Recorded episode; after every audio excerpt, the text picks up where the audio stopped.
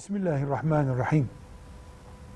Eti yenen balık dışındaki hayvanların etlerinin helal olması için boğazlarının kesilmeleri gerekir.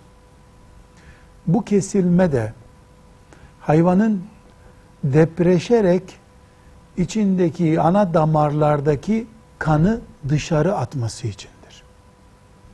Avrupa'da yaygın uygulamasıyla hayvanlara elektroşok vererek uyuşturulup kolay yatmalarını ve kolay kesilmelerini sağlayan sistem eğer hayvanın depreşip yani can havliyle hareket edip ana damarlarındaki kanını akıtmasını engelleyecek kadar uyuşturma ve kendinden geçirme, bayıltma şeklinde ise o hayvanın kesiminde sakınca vardır.